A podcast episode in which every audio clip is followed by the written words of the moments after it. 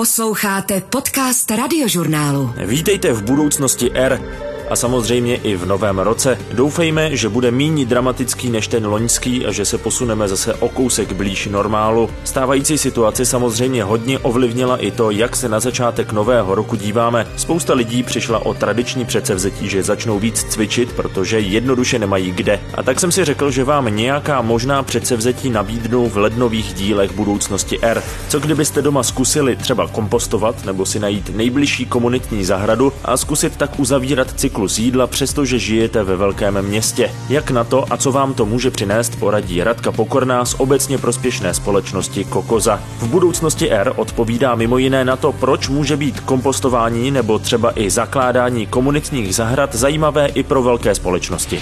Co já tam vidím jako velmi pozitivní ve chvíli, kdy firmě jde o zaměstnance, chce, aby vlastně se ti lidé tam cítili dobře, tak je super to propojit třeba s komunitní zahradou, kam oni si můžou jít sníst oběd nebo si tam natrhají bylinky na, na salát, který si udělají v kuchyňce. Takže to má ty měkká pozitiva. Budoucnost R. Radko, vítejte v budoucnosti R. Děkuji, že jste dorazila do studia. Dobrý den. Pojďme možná na začátek eh, vysvětlit někomu, kdo nikdy neslyšel o kokoze, co to vlastně eh, znamená. Já tam etymologicky slyším jednak kompostování určitě a ta druhá část podezřele připomíná zkratku komunitních zahrad. Je to tak? Přesně tak, je to komunitní zahrady a kompostéry. Tak co to vlastně je, nebo co vlastně dělá taková eh, organizace? Aha. My jsme společensky prospěšný podnik, který se zabývá městským pěstováním a kompostováním. Kromě toho máme ještě integrační dílnu, zaměstnáváme lidi se zkušeností s duševním onemocněním, kteří nám vlastně pomáhají v realizaci a v tom, abychom naše myšlenky přenesli do praxe.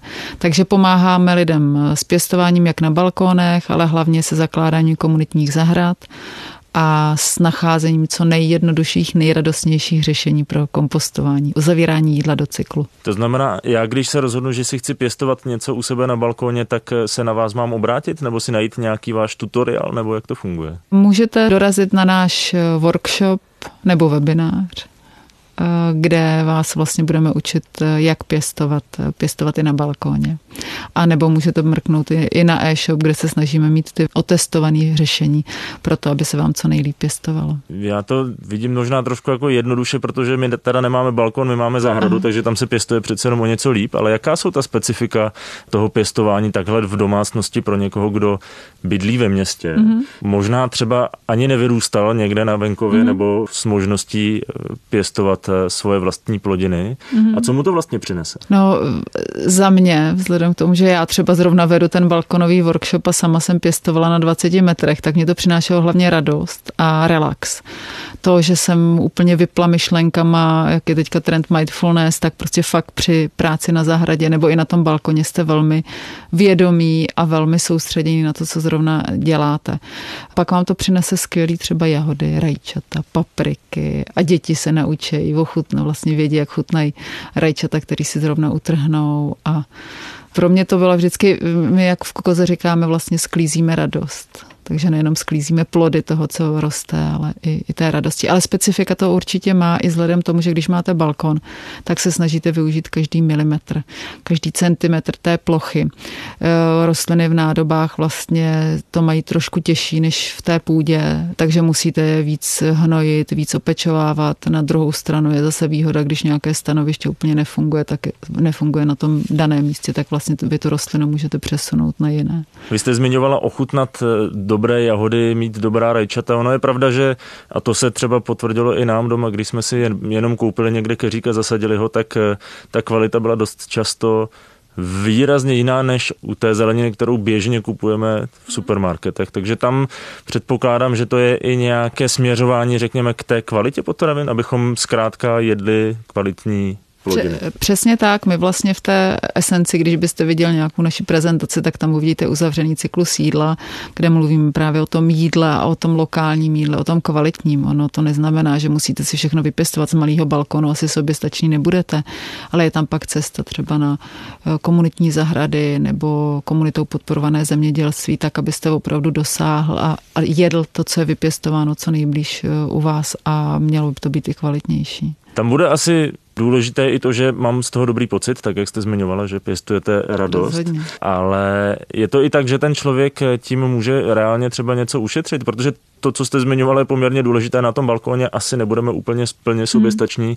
tak abychom nemuseli kupovat eh, zeleninu, mm. když to zjednodušíme eh, z obchodu. No ušetřit můžete spíš tím, že budete kompostovat že vlastně ty organické zbytky nebudete házet eh, do popelnice, tam to tvoří až 40% popelnice, takže tam můžete ušetřit. Ale co se týče pěstování, tak když byste do toho započítal svůj čas a všechnu energii, kterou do toho dáte, zase záleží na tom, jestli si nakoupíte nádoby, nebo si je vyrobíte, nebo využijete nějaký upcycling myslím, že nemůžete to počítat. Ten business model by zatím ani, u, ani v domácnosti asi, asi nebyl, že si myslím, že tam jsou hlavně ty benefity té kvality a té radosti z toho pěstování. Ale snižujeme zároveň nějakou uh, svoji, jak to říct, odpadní stopu, Určitě. snižujeme to, co produkujeme směrem ven. Určitě. Vlastně, když si koupíte potraviny co nejblíž, výrobou co nejblíž nebo pěstováním co nejblíž k vám, tak určitě snižujete uhlíkovou stopu, která je spojená s dovážením. Já uvažuji jenom nad jednou věcí a je to podle mě podobný problém jako to, že někdy lidé nakupují nechci říct bez rozmyslu, ale že je pro ně jednodušší nakupovat třeba v blízkém supermarketu a ne jít každou neděli na farmářské trhy pro nějakou hezkou zeleninu. Je to nějaká jako lenost svým způsobem.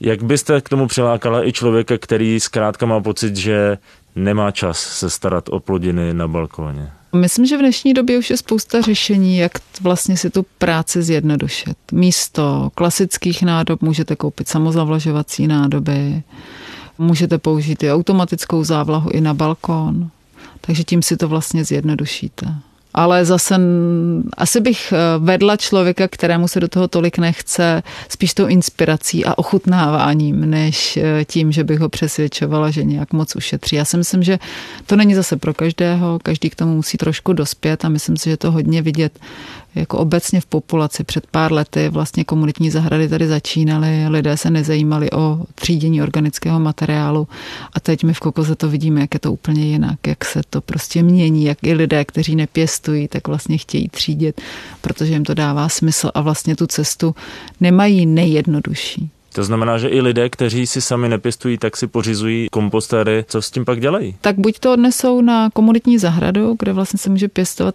eh, z toho jejich kompostu i a my říkáme, že i kdyby to vysypali někam na trávník nebo ke stromu, tak vlastně to, co vyprodukujete v domácnosti, což znamená, že to je buď vermikompost, anebo bokaši, vlastně výstup z bokaši kompostéru, tak eh, to je tak relativně malé množství a jsou to vlastně to skvělé hnojivo v obou případech, tak není problém to prostě i v tom městě umístit tak, aby to nevadilo zprávě eh, zeleně nebo nevadilo těm, kteří tu zeleň navrhovali. A vlastně tím prospíváme. Přesně tak, prospívá, prospíváte tím, protože přeci jenom se ve městě málo hnojí organicky a tohle je super, že to končí. Jenom mi eh, prosím vysvětlete ten druhý typ toho kompostéru. Vermikompostér to tuším, to jsou eh, zjednodušeně řečeno žaly. Přesně tak. A co je ten druhý typ? Bokaši. To je vlastně uh, systém, který vznikl, tuším, že v Ázii. Ono kolegyně by vám k tomu řekly ještě víc, když tak mrkněte na náš blog. Není to to pravé kompostování, je to spíš fermentace. Vy házíte odpad, stejně jako u toho vermikomposteru, ten organický odpad házíte do nádoby a potom k tomu přisypete uh, hmotu, takovou sypkou hmotu, která obsahuje enzymy a látky, které vám vlastně pomáhají fermentovat a potom stačí mm, to nechat 14 dnů zrát a případně eh, potom dát do kompostéru nebo zakopat do země a za týden vlastně ani nevím, že kolegyně říkala, já jsem si to zkoušela, já jsem po týdnu nenašla, kam jsem to zakopala. Takže tím, že se to vlastně sfermentuje, zmenší se ten objem, ale proběhne už tam určitý proces rozkladu a proměny té půdy v hnojivo, tak eh, se to promění potom jednodušším způsobem a vám zmizí ta, eh, řekněme, trošku zapáchající část koše odpadkového. Vzhledem k tomu, že tenhle ten díl má být trošku takový to říct, zaměřený na předsevzetí, tak dá se říct, jestli některá z těchto dvou variant třeba nebo i jiných variant je lepší pro ten městský provoz jako takový? Já si myslím, že pro každého je dobré trošku něco jiného. My jsme proto třeba udělali Žiju kompostil eh, web, kde najdete kvíz a tam si dohledáte, co je vlastně pro vás jako nejlepší řešení, protože třeba ve chvíli, kdy žijete v bytovém domě a máte tam vnitroblok, tak je určitě super tam mít i zahradní kompostér a tu větší hmotu vlastně využít při péči o ten vnitroblok. Ve chvíli, kdy pěstujete na balkóně, tak eh, já bych volila vermikompostér, protože máte skvělé hnojivo, máte žíželí, takzvaný žíželí čaj, máte vermikompost. No a pokud vám jde hlavně o to, abyste neházel organický odpad do koše, tak eh, i ta hnědá popelnice je vlastně dobrá, ale možná bych se přikláněla k bokaši, protože je to trošku jednodušší než vermikompostování. I když já třeba na vermikompostování nedám, nedám dopustit. Hodně i záleží na tom, eh, s kým žijete v domácnosti, jak tolerantní máte partnery, protože přece jenom není to, my říkáme, nezapínáte počítač, který uděláte switch on, případně switch off a všechno funguje.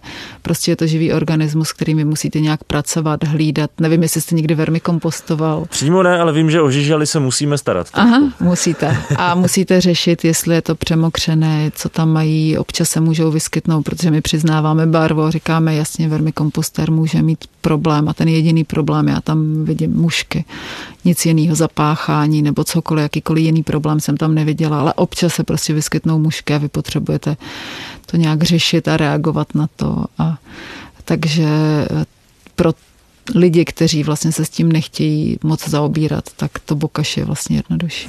Bioodpad jsme doteď zmiňovali jako něco, co po zkompostování můžete využít doma. Samozřejmě by ale mohl sloužit i ve větší míře. Je možné z něj získávat bioplyn, který pak může pohánět třeba i městské autobusy. Třeba v Brně si už něco takového vyzkoušeli. V pilotním provozu po městě jezdil autobus poháněný přičištěnými kalovými plyny. Ty tedy nepocházely z bioplynové stanice, která by zpracovala bioodpad od občanů Brna Brna, ale odpadní plyny z čistírny odpadních vod. Přesto tento projekt rozproudil debatu a zdá se, že autobusy na bioplyn by mohly v budoucnu jezdit nejen v Brně. Popsal mi loni v Dubnu v budoucnosti R. Petr Novotný z Institutu cirkulární ekonomiky. Třeba Praha taky se vydala touto cestou. Mají v plánu stavět bioplynovou stanici na bioodpady pocházející od Pražanů, taky to chtějí používat na pohon eh, svozových aut pražských služeb, případně i nějak jinak v rámci toho metabolismu toho města.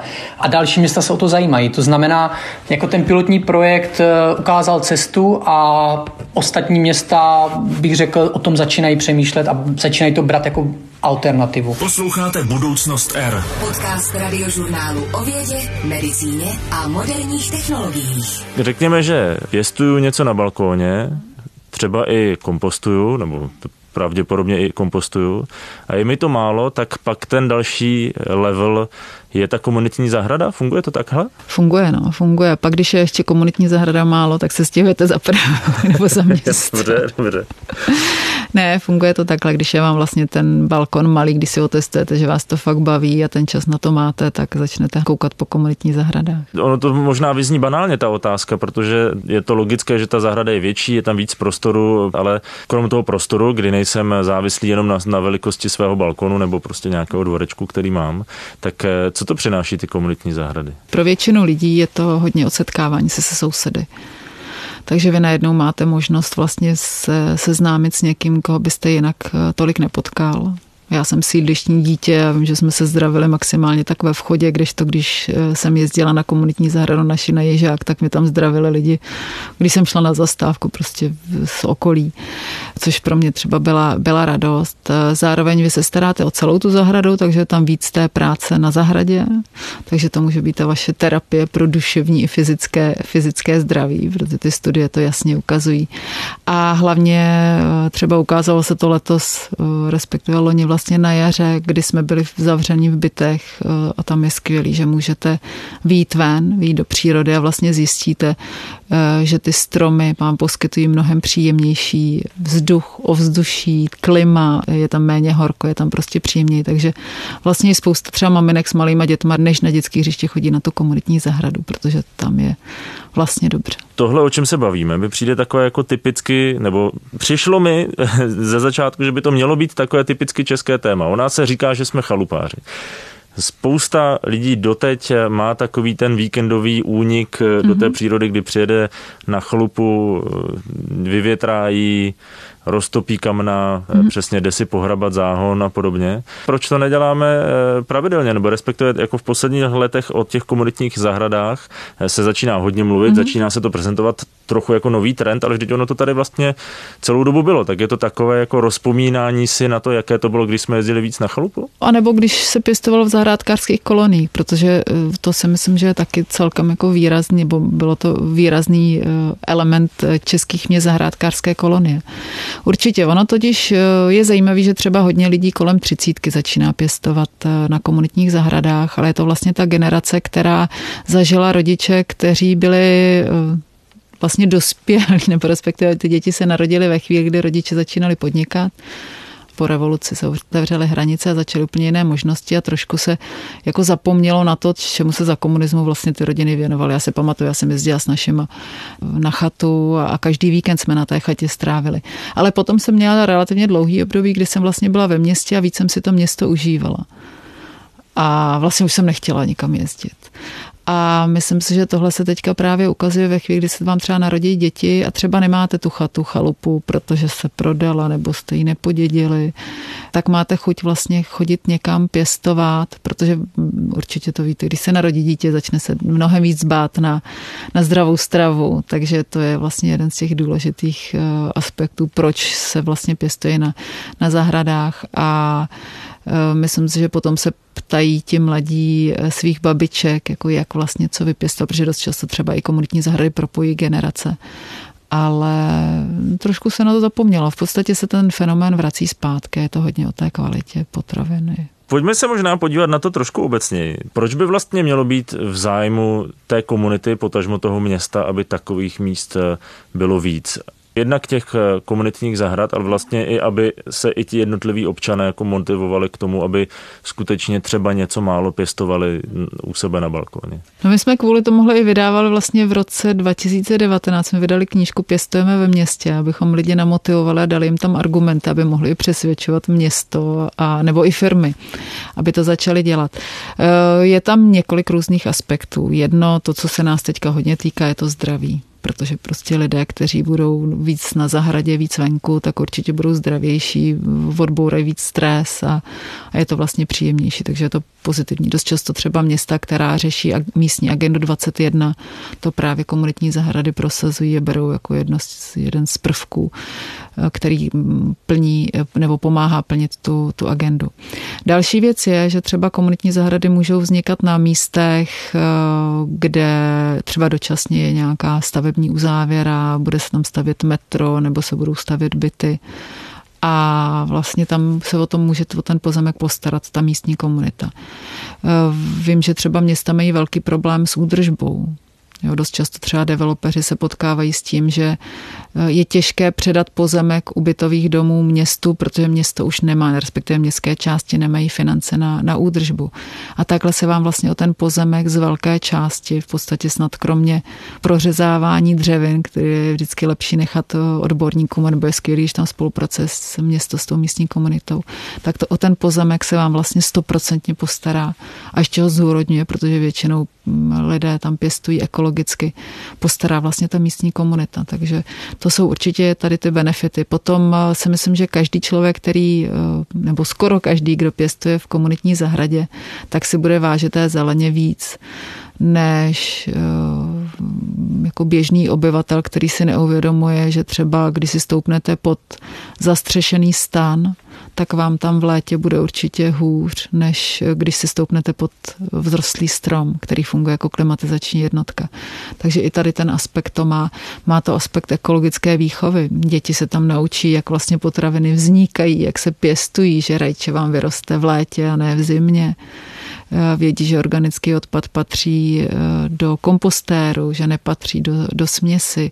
A co vlastně, jak se promění, my říkáme, že bioodpad je poklad, protože je to takový paradox, eh, že vlastně to, co je úplně nejjednodušší na recyklaci, na to, aby z toho vzniklo něco ceného, tak my ve městech jsme zapomněli recyklovat. Vám stačí vlastně hromada, kterou si párkrát do roka přehodíte a vznikne vám z toho kvalitní půda. A to je skvělé, že na těch komunitních zahradách si to vlastně i ty děti uvědomují. Mají tam úplně jiný vztah k té půdě, k, zele, k zeleni. Sice já si vždycky vzpomenu na všechny moje kamarády, kteří eh, se odstěhovali z vesnice. Říkají, no já jsem musel pořád dělat na tom poli a nebo na zahradě a bylo to moc. Ale mám pocit, že pak s věkem se zase k tomu tak větši, ve většině případů trošku vrátí a na té komunitní zahradě to není taková dřina, tam je to fakt pro radost, protože drtivá většina lidí tam má metr čtvereční, takže to fakt není o tom, že byste se tam udřeli. Je to v rozumnější míře trošku. No v rozumnější, zase ne tolik sobě stačný.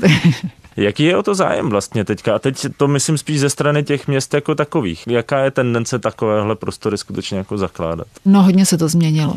Vlastně, když se podíváte teď do grantu životního prostředí nebo do participativních rozpočtů, je pravda, že participativní rozpočty vychází od obyvatel, ale eh, je tam mnohem víc, jsou tam komunitní zahrady, které tam předtím vůbec nebyly a začíná se to objevovat i v rámci regulačních plánů nebo nějakých eh, záměrů k územním plánům, doporučení k územním plánům právě s ohledem na adaptaci na změnu klimatu.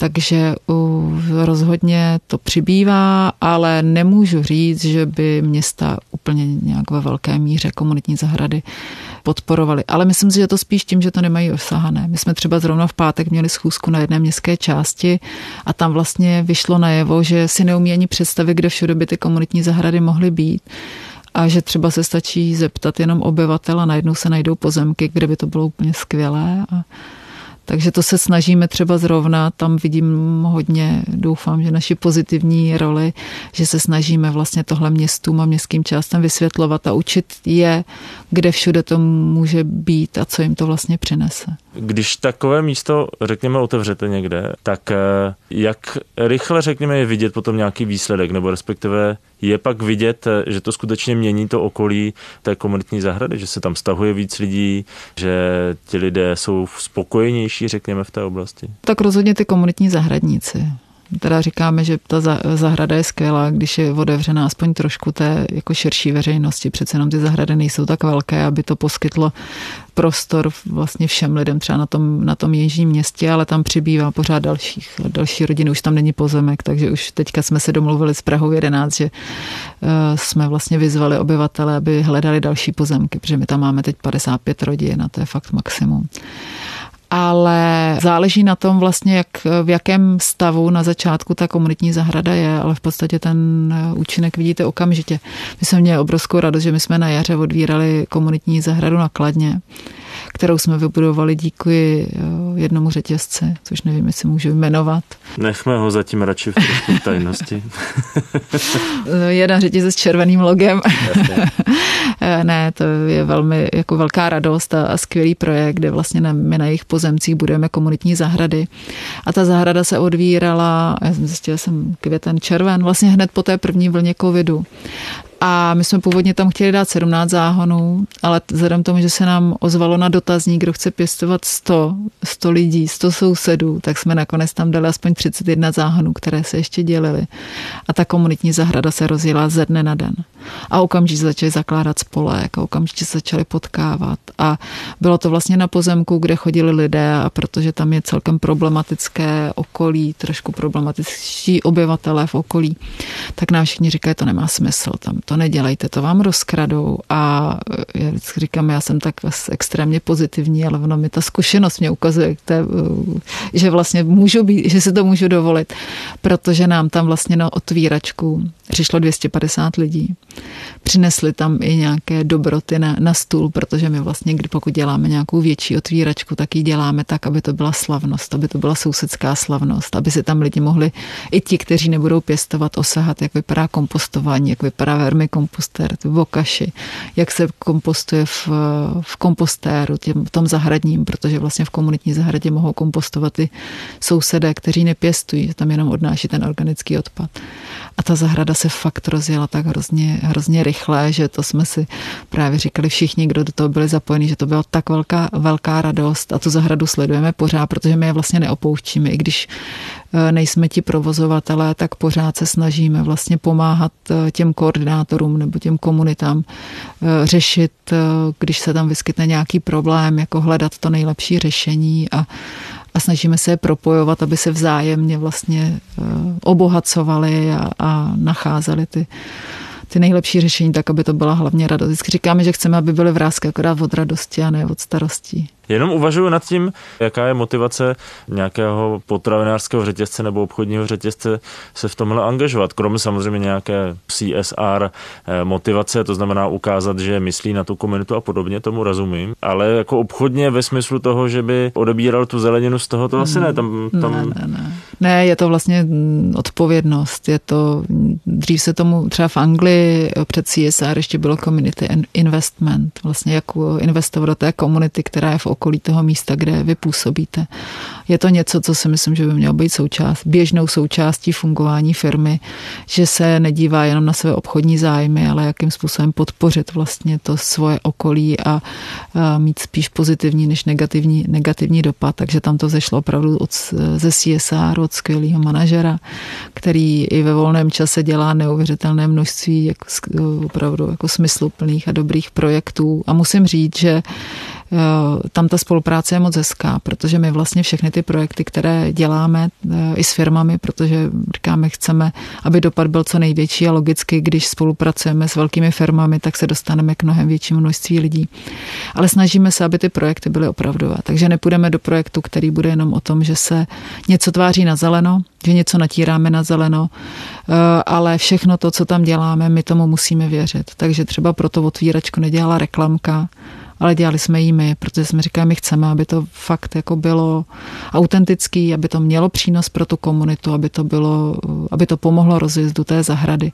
Takže i na tady ten projekt vlastně my jsme hrozně hrdí, protože si myslím, že posouváme tam dokonce tam i na náš, trošku na náš malý poput bylo eh, jednání s tím, aby byla další, eh, další stavba, aby byla zelenější. Eh, takže už tam řeší otázky zelených střech a uvidíme, kam se to posune. My se snažíme vlastně mít ten pozitivní dopad i do té firmy, s kterou spolupracujeme. V budoucnosti R s Radkou Pokornou rozebereme i to, co může důraz na využívání bioodpadu přinést i firmám, třeba v jejich kancelářských budovách. A to už se pomalu dostáváme k cirkulárním kancelářím, které jsme v podcastu rozebírali s Laurou Mitroliosovou ze společnosti Cira Advisory. Cesta k cirkulární a udržitelně vedené kanceláři by sice měla začínat ideálně už při návrhu samotné budovy. Cira Advisory ale pomáhá firmám optimalizovat jejich provoz přes přestože jsou třeba v podnájmu. A začít se dá u drobností, že pracovníci nebudou mít vedle svého stolu vlastní odpadkový koš, takže je snáze přimějete třídit odpad, nebo že se zamyslíte nad tím, kdo a jak vám kanceláře uklízí. Zjišťujeme, že je to hlavní demotivátor třídění na pracovišti, je úklidová firma. Protože ví, že to za ně někdo rozstřídí. Jo? Tak to si myslím, že by bylo možná ještě ten lepší, že by to za ně někdo rozstřídil, nebo že by to tomu ty lidi aspoň věřili. Nicméně dost často se stává, že když jsou pracoviště, kde opravdu ty lidi třídí ty odpady, mají tam eh, nastavené ty koše, tak eh, potom přijde uklidová firma večer, všechno to zabalí do jednoho pytle a vyhodí to. Kdy opravdu, když tohle jako zaměstnanec vidíte a říkáte si, tak my tady prostě jdeme s nějakou udržitelností, my tady chceme třídit ty odpadky. A pak a to uklízečka prostě vezme a se sype to do jednoho pytle a jde pryč. Tak, tak to je takový jako zjišťujeme největší demotivátor uh, jakýchkoliv jako ekologických aktivit na pracovišti. No. Mě zaujaly ty nájemní smlouvy. Hmm. Co se dá v rámci cirkularity eh, na té smlouvě upravit? No vy vlastně z nájemní smlouvy zjistíte, co všechno máte možnost ovlivnit v těch návrzích, které jim dáváme. My zjišťujeme, jestli jsou na ně platby za energie eh, převáděny v plné výši, jestli je tam nějaký eh, měřák, jakým způsobem to funguje, jestli máme možnost ovlivnit třeba tu úklidovou firmu a její chování, jestli si můžeme najmout nějakou svoji vlastní, jaké tam jsou třeba nádoby na tříděný odpad. Posloucháte Budoucnost R. My jsme se bavili o tom, že vy máte přesně takové to jako komerční partnery poměrně velké firmy, že pro ně vlastně děláte něco na způsob jako cirkulárního skenu, řekněme. To znamená... No, v oblasti bioodpadu, ano. Tak, to znamená, co takové firmě můžete přinést? To, že jim řeknete, a vy tady máte moc hezkou budovu a přesně, pojďte udělat eh, zelenou střechu a možná na ní třeba i pěstovat a mít každé ráno na stole pro zaměstnance čerstvá rajčata nebo čerstvé jahody? Nebo... No to by bylo úplně nejlepší, protože v zahraničí těch zelených produkčních střech mnohem víc než tady. Vlastně v Čechách nejsou. V Čechách jsou většinou ty extenzivní zahrady, které zlepšují klima, zadržují vodu, snižují teplotu, ale není, není nevyprodukujete tam rostliny hlavně uh, jasně rozchodníky a nepřinese vám toto rajče na talíř. Jedna věc je to, že vlastně jsou lepším sousedem, je příjemnější se dívat na budovu, která je zelenější. Pomáháme třeba vybudovat i komunitní zahradu protože co já tam vidím jako velmi pozitivní ve chvíli, kdy firmě jde o zaměstnance, chce, aby vlastně se ti lidé tam cítili dobře, tak je super to propojit třeba s komunitní zahradou, kam oni si můžou jít sníst oběd, nebo si tam natrhají bylinky na, na salát, který si udělají v kuchyňce. Takže to má ty měkká pozitiva a zároveň firmy, které řeší udržitelnost, které mají v agendě víc udržitelnost, tak eh, tam ten jejich dopad potom skrze zaměstnance je taky obrovský, protože když si vezmete, že má firma třeba 15 zaměstnanců, což znamená prostě potom tuny a tuny, když si vezmete, že vyprodukujeme nějakých 100-150 kilo bioodpadu, ročně, tak to už jsou opravdu jako velká čísla, která se podaří ve chvíli, kdy vy vlastně proškolíte svoje zaměstnance, aby organický odpad neházeli do, do směsného, tak eh, je, ta čísla jsou potom už moc, moc hezká.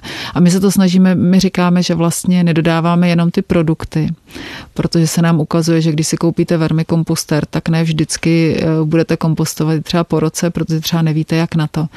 Ale my se snažíme vlastně i v těch firmách eh, to lidi naučit. Ten dopad je mnohem větší, když si ten kompostér zabydlíte a zároveň jako víte, jak se o něj starat, nebo jak se starat i o ty záhony, eh, nebo o zahradní kompostér. Takže tohle vlastně my děláme, takže i form, nějaké formy jako team buildingu a děláme to tak, aby to opravdu mělo reálný dopad že to není jenom o tom, že team building jsme spolu, ale eh, dáváme tam ta témata udržitelnosti. Takže firma tam na jednu stranu je plus minus, jako ráda bych říkala, že ušetří, ale vzhledem k tomu, že tady je legislativa a ceny za svoz eh, směsného odpadu pořád velmi, velmi nízko a skládkování je pořád ještě bohužel na tom tady špatně, tak eh, zatím ten ekonomický benefit tam není tak velký, ale myslím si, že o to může být větší ten benefit z hlediska jména, z hlediska toho, že ta firma reálně je udržitelná, že to opravdu jenom natírá na zeleno, ale i z hlediska toho, jak pracuje vlastně se zaměstnancema, protože si myslím, že i se ukazuje, jako čím mladší generace, tak tím víc jde o to, aby firma byla udržitelná, aby to myslela vážně a potom ve chvíli, kdy ty zaměstnanci to vidí, že to firma žije, tak jako je to pozitivní. To znamená, že tam se vlastně musí počítat i s těmi čísly, které se trošku hůře číslují. Ale zároveň já si dovedu představit, že když ta společnost eh, bude mít nějakou tu komunitní zahradu, nemusí být nutno nutně na střeše, ale dejme tomu, bude mít nějaký základní systém toho kompostování, to znamená vytřídění bioodpadu a následně kompostování, tak eh, jestliže mají pak v kancelářích eh, kitky, mm-hmm tak mají najednou zdroj kvalitního substrátu a podobně. Takže ono to jako přínosy asi na tom opět neušetří úplně nějaké výrazné sumy, ale na druhou stranu určité zjednodušení a nějakou optimalizaci toho provozu to tam může přinést. No určitě, určitě, protože i o ten prostor vlastně se třeba starají víc uh, ti zaměstnanci. Bavíme se tady o zelených střechách, ale dost často si neuvědomujeme, že vlastně zelená střecha je i místo, pod kterým jsou garáže a není to na střeše. Respektive je to na střeše garáží, ale hned vedle vstupu, vedle vstupu do budovy, takže dost často vlastně se to využívá i, i jako komunitní zahrada.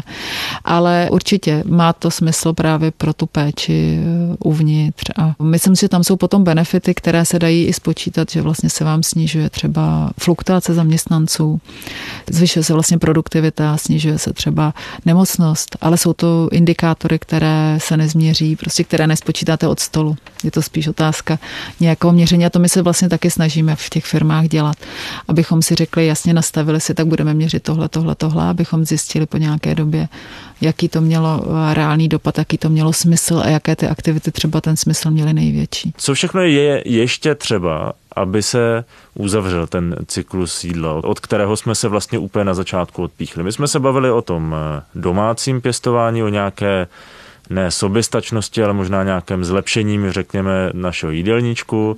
Bavili jsme se o komunitních eh, zahradách, tam už se dostáváme do toho nějakého sociálního rozměru. Teď jsme to posunuli zase k těm firmám. A co tam ještě chybí, aby ten cyklus toho jídla byl uzavřený a vlastně, abychom se dostali do nějakého jako ideálního stavu? No, ideální stav je, že organický odpad vůbec nebude v popelnicích těch směsných, že maximálně bude v hnědých a ještě možná lepší příklad je ten, kdyby vznikaly, ono teda už vznikají mi třeba teďka na Praze 3, zrovna jsme rozjeli na, na podzim komunitní kompostování a tam vlastně ti lidé, kteří tam kompostují, tak si ten kompost potom budou moct vzít a případně co zbyde, tak může využít i městská část péče o ty parky. Uh-huh. Takže tam je to pak skvělé, že na některých místech, neříkám, že musí všichni komunitně kompostovat, on má smysl i zpracování odpadů v bioplinkách, ale eh, dá se to vlastně řešit i tak, že je komunitní kompostér a pak část, protože ono přece jenom toho kompostu není tolik, tak se pak vlastně využije v místě, třeba když je tam park, tak se to hned využije pro péči o ten park. To mě právě zajímá, protože vy jste teď zmínila ty bioplinky, které mě z toho to říct, jako eh, širšího hlediska přijdou poměrně eh, zajímavá varianta, že se sbírá ve městě odpad do těch hnědých eh, popelnic, váží se to v, logicky ve větší míře než jenom z nějaké jedné komunitní zahrady, tak to samo o sobě je za vás dobře, nebo tam je třeba nějak, zachovat nějakou kombinaci? Protože jako z mého pohledu, aby něco takového mělo smysl, a teď to, nemám to spočítané, ale řekl bych, že pokud nebudeme celá městská část nebo ideálně celé město poctivě tedy ten organický odpad házet do těch hnědých popelnic, tak pak nějaké zařízení, které to bude zpracovávat moc nemá význam, pokud tam zkrátka nebudou velké vstupní objemy. Zároveň, když budeme všichni všechno házet do těch hnědých popelnic, tak pak nebudeme komunitně kompostovat, takže tam je třeba najít nějakou rovnováhu. No já si myslím, že by to chtělo najít nějakou rovnováhu, protože já si vždycky vzpomenu na bezodpadovou konferenci, kde vystupovala Bea Johnson, asi nejznámější influencerka, která řeší život bez odpadu, zero waste. A já jsem tam vystupovala, říkala jsem, no já potřebuju co nejvíc odpadu. Protože ono, když opravdu, když začnete, já jsem si to vyzkoušela fakt na vlastní kůži na té 20-metrové terase, kde jsem, protože jsem bydla ve čtvrtém patře bez výtahu a nechtěla jsem nosit pořád zeminu a fakt jsem hodně intenzivně pěstovala, tak jsem tam pořídila kompostér a bylo to na hraně, aby mi to stačilo. Spíš jsem potřebovala každý rok o trošku víc toho odpadu, aby se mi proměnil v ten kompost, který jsem potom použila na jaře zase znovu na té, na té terase. Takže je to otázka nějakého zdravého selského rozumu, ale určitě je důležité, aby organická hmota v půdě byla, protože ta půda potom mnohem lépe reaguje na nějaké změny klimatu, lépe jí má vodu, když jsou nějaké přívalové deště, nějaký výraznější déšť. A vlastně čím je vlhčí, tak tím zlepšuje vlastně víc i, i to klima ve městě. Nevyplavují se tolik ty zdravé živiny, ty všechny organismy, které v té půdě jsou a jsou tam proto důležité, takže e, neměli bychom hnojit jenom minerálním hnojem a proto ten kompost je prostě důležitý. Abychom se dostali k nějakému tomu předsevzetí, když se teď e, někdo rozhodne, že bude chtít začít kompostovat, tak neporadila byste možná nějaký systém nebo respektive třeba na co se zaměřit v té své domácnosti, jestli to pro mě vůbec má smysl? No určitě stojí za to si třeba týden, 14 dnů vážit, kolik toho organického materiálu vlastně u mě doma vznikne. A třeba vzít večeře zvlášť a víc obědy, nebo jak, chcete. Jako je super to udělat eh, celodenně, ale třeba nebudeme pořád tu na home officech a, a zjistíte, že vlastně to řešení potom pro vás bude trošku jiné. A opravdu si zvážit, eh, kolik odpadů vzniká. Samozřejmě přemýšlet i o tom, jestli některý ten odpad není trošku zbytečný, protože stojí za to třeba opravdu zpracovávat tu zeleninu a ovoce do maxima. No a potom na základě toho se vám mnohem lépe, na základě toho mnohem lépe zjistíte, kolik, jaké to řešení je pro vás nejlepší, jestli vermikomposter, jestli bokaši, nebo dohledat komunitní zahradu, anebo nějaká kombinace. A může se stát, že to pro mě smysl nemá? Že produkuju tak málo odpadu, že, že se mi nevyplatí mít vlastní kompostér. V tu chvíli asi je lepší spíš se zamyslet, kam tu malou trošku donesu někam jinam. Přesně tak. Jako rozhodně si myslím, že má smysl třídit organický materiál. Už jenom proto, že vám to prostě v koši nesmrdí. A ta hmota je prostě potřeba. Je to fakt nejjednodušší na recyklaci. Takže spíš bych v tom případě bych se opravdu podívala, kam já to můžu hodit, ale na druhou stranu třeba i bokaši je tak jako vlastně jednoduchý, jednoduchý nástroj. Nemyslím si, že by to bylo pro někoho nevhodné, jakože máte moc málo slupek. Samozřejmě, když doma nevaříte vůbec, tak asi je lepší to vzít cestou do práce, někam to hodit na komunitní zahradu nebo do hnědý popálnice. Tak budu držet palce a čím dál tím víc komunitních zahrad, Díky. čím dál tím víc kompostování a Někdy se dáme update za rok, kolik toho přibylo. Určitě, roste to hodně dynamicky a je to třeba zdvojnásobuje se to za dva roky. Tak děkuji, že jste dorazila. Taky děkuji moc. Věřím tomu, že spousta z vás už o domácím kompostování slyšela, ale pokud ne, třeba jsme vás s Radkou Pokornou navnadili, abyste to zkusili, nebo si třeba našli nejbližší komunitní zahradu. Pěstování například vlastní domácí zeleniny jen doporučuju, je to vážně terapeutická činnost a můžete u toho poslouchat i další podcasty, třeba ty dnes zmiňované s Laurou Mitroliosovou nebo Petrem Novotným. Najdete je v aplikaci Můj rozhlas nebo na webu radiožurnál.cz. A za týden tam přibude další díl budoucnosti R, který bude pro změnu o reuse centrech. Najdete ho kromě už zmiňovaných samozřejmě i v dalších podcastových aplikacích. Do té doby se mějte krásně a žijte udržitelně. Poslouchali jste Budoucnost R. Podcast radiožurnálu o vědě, medicíně a moderních technologiích.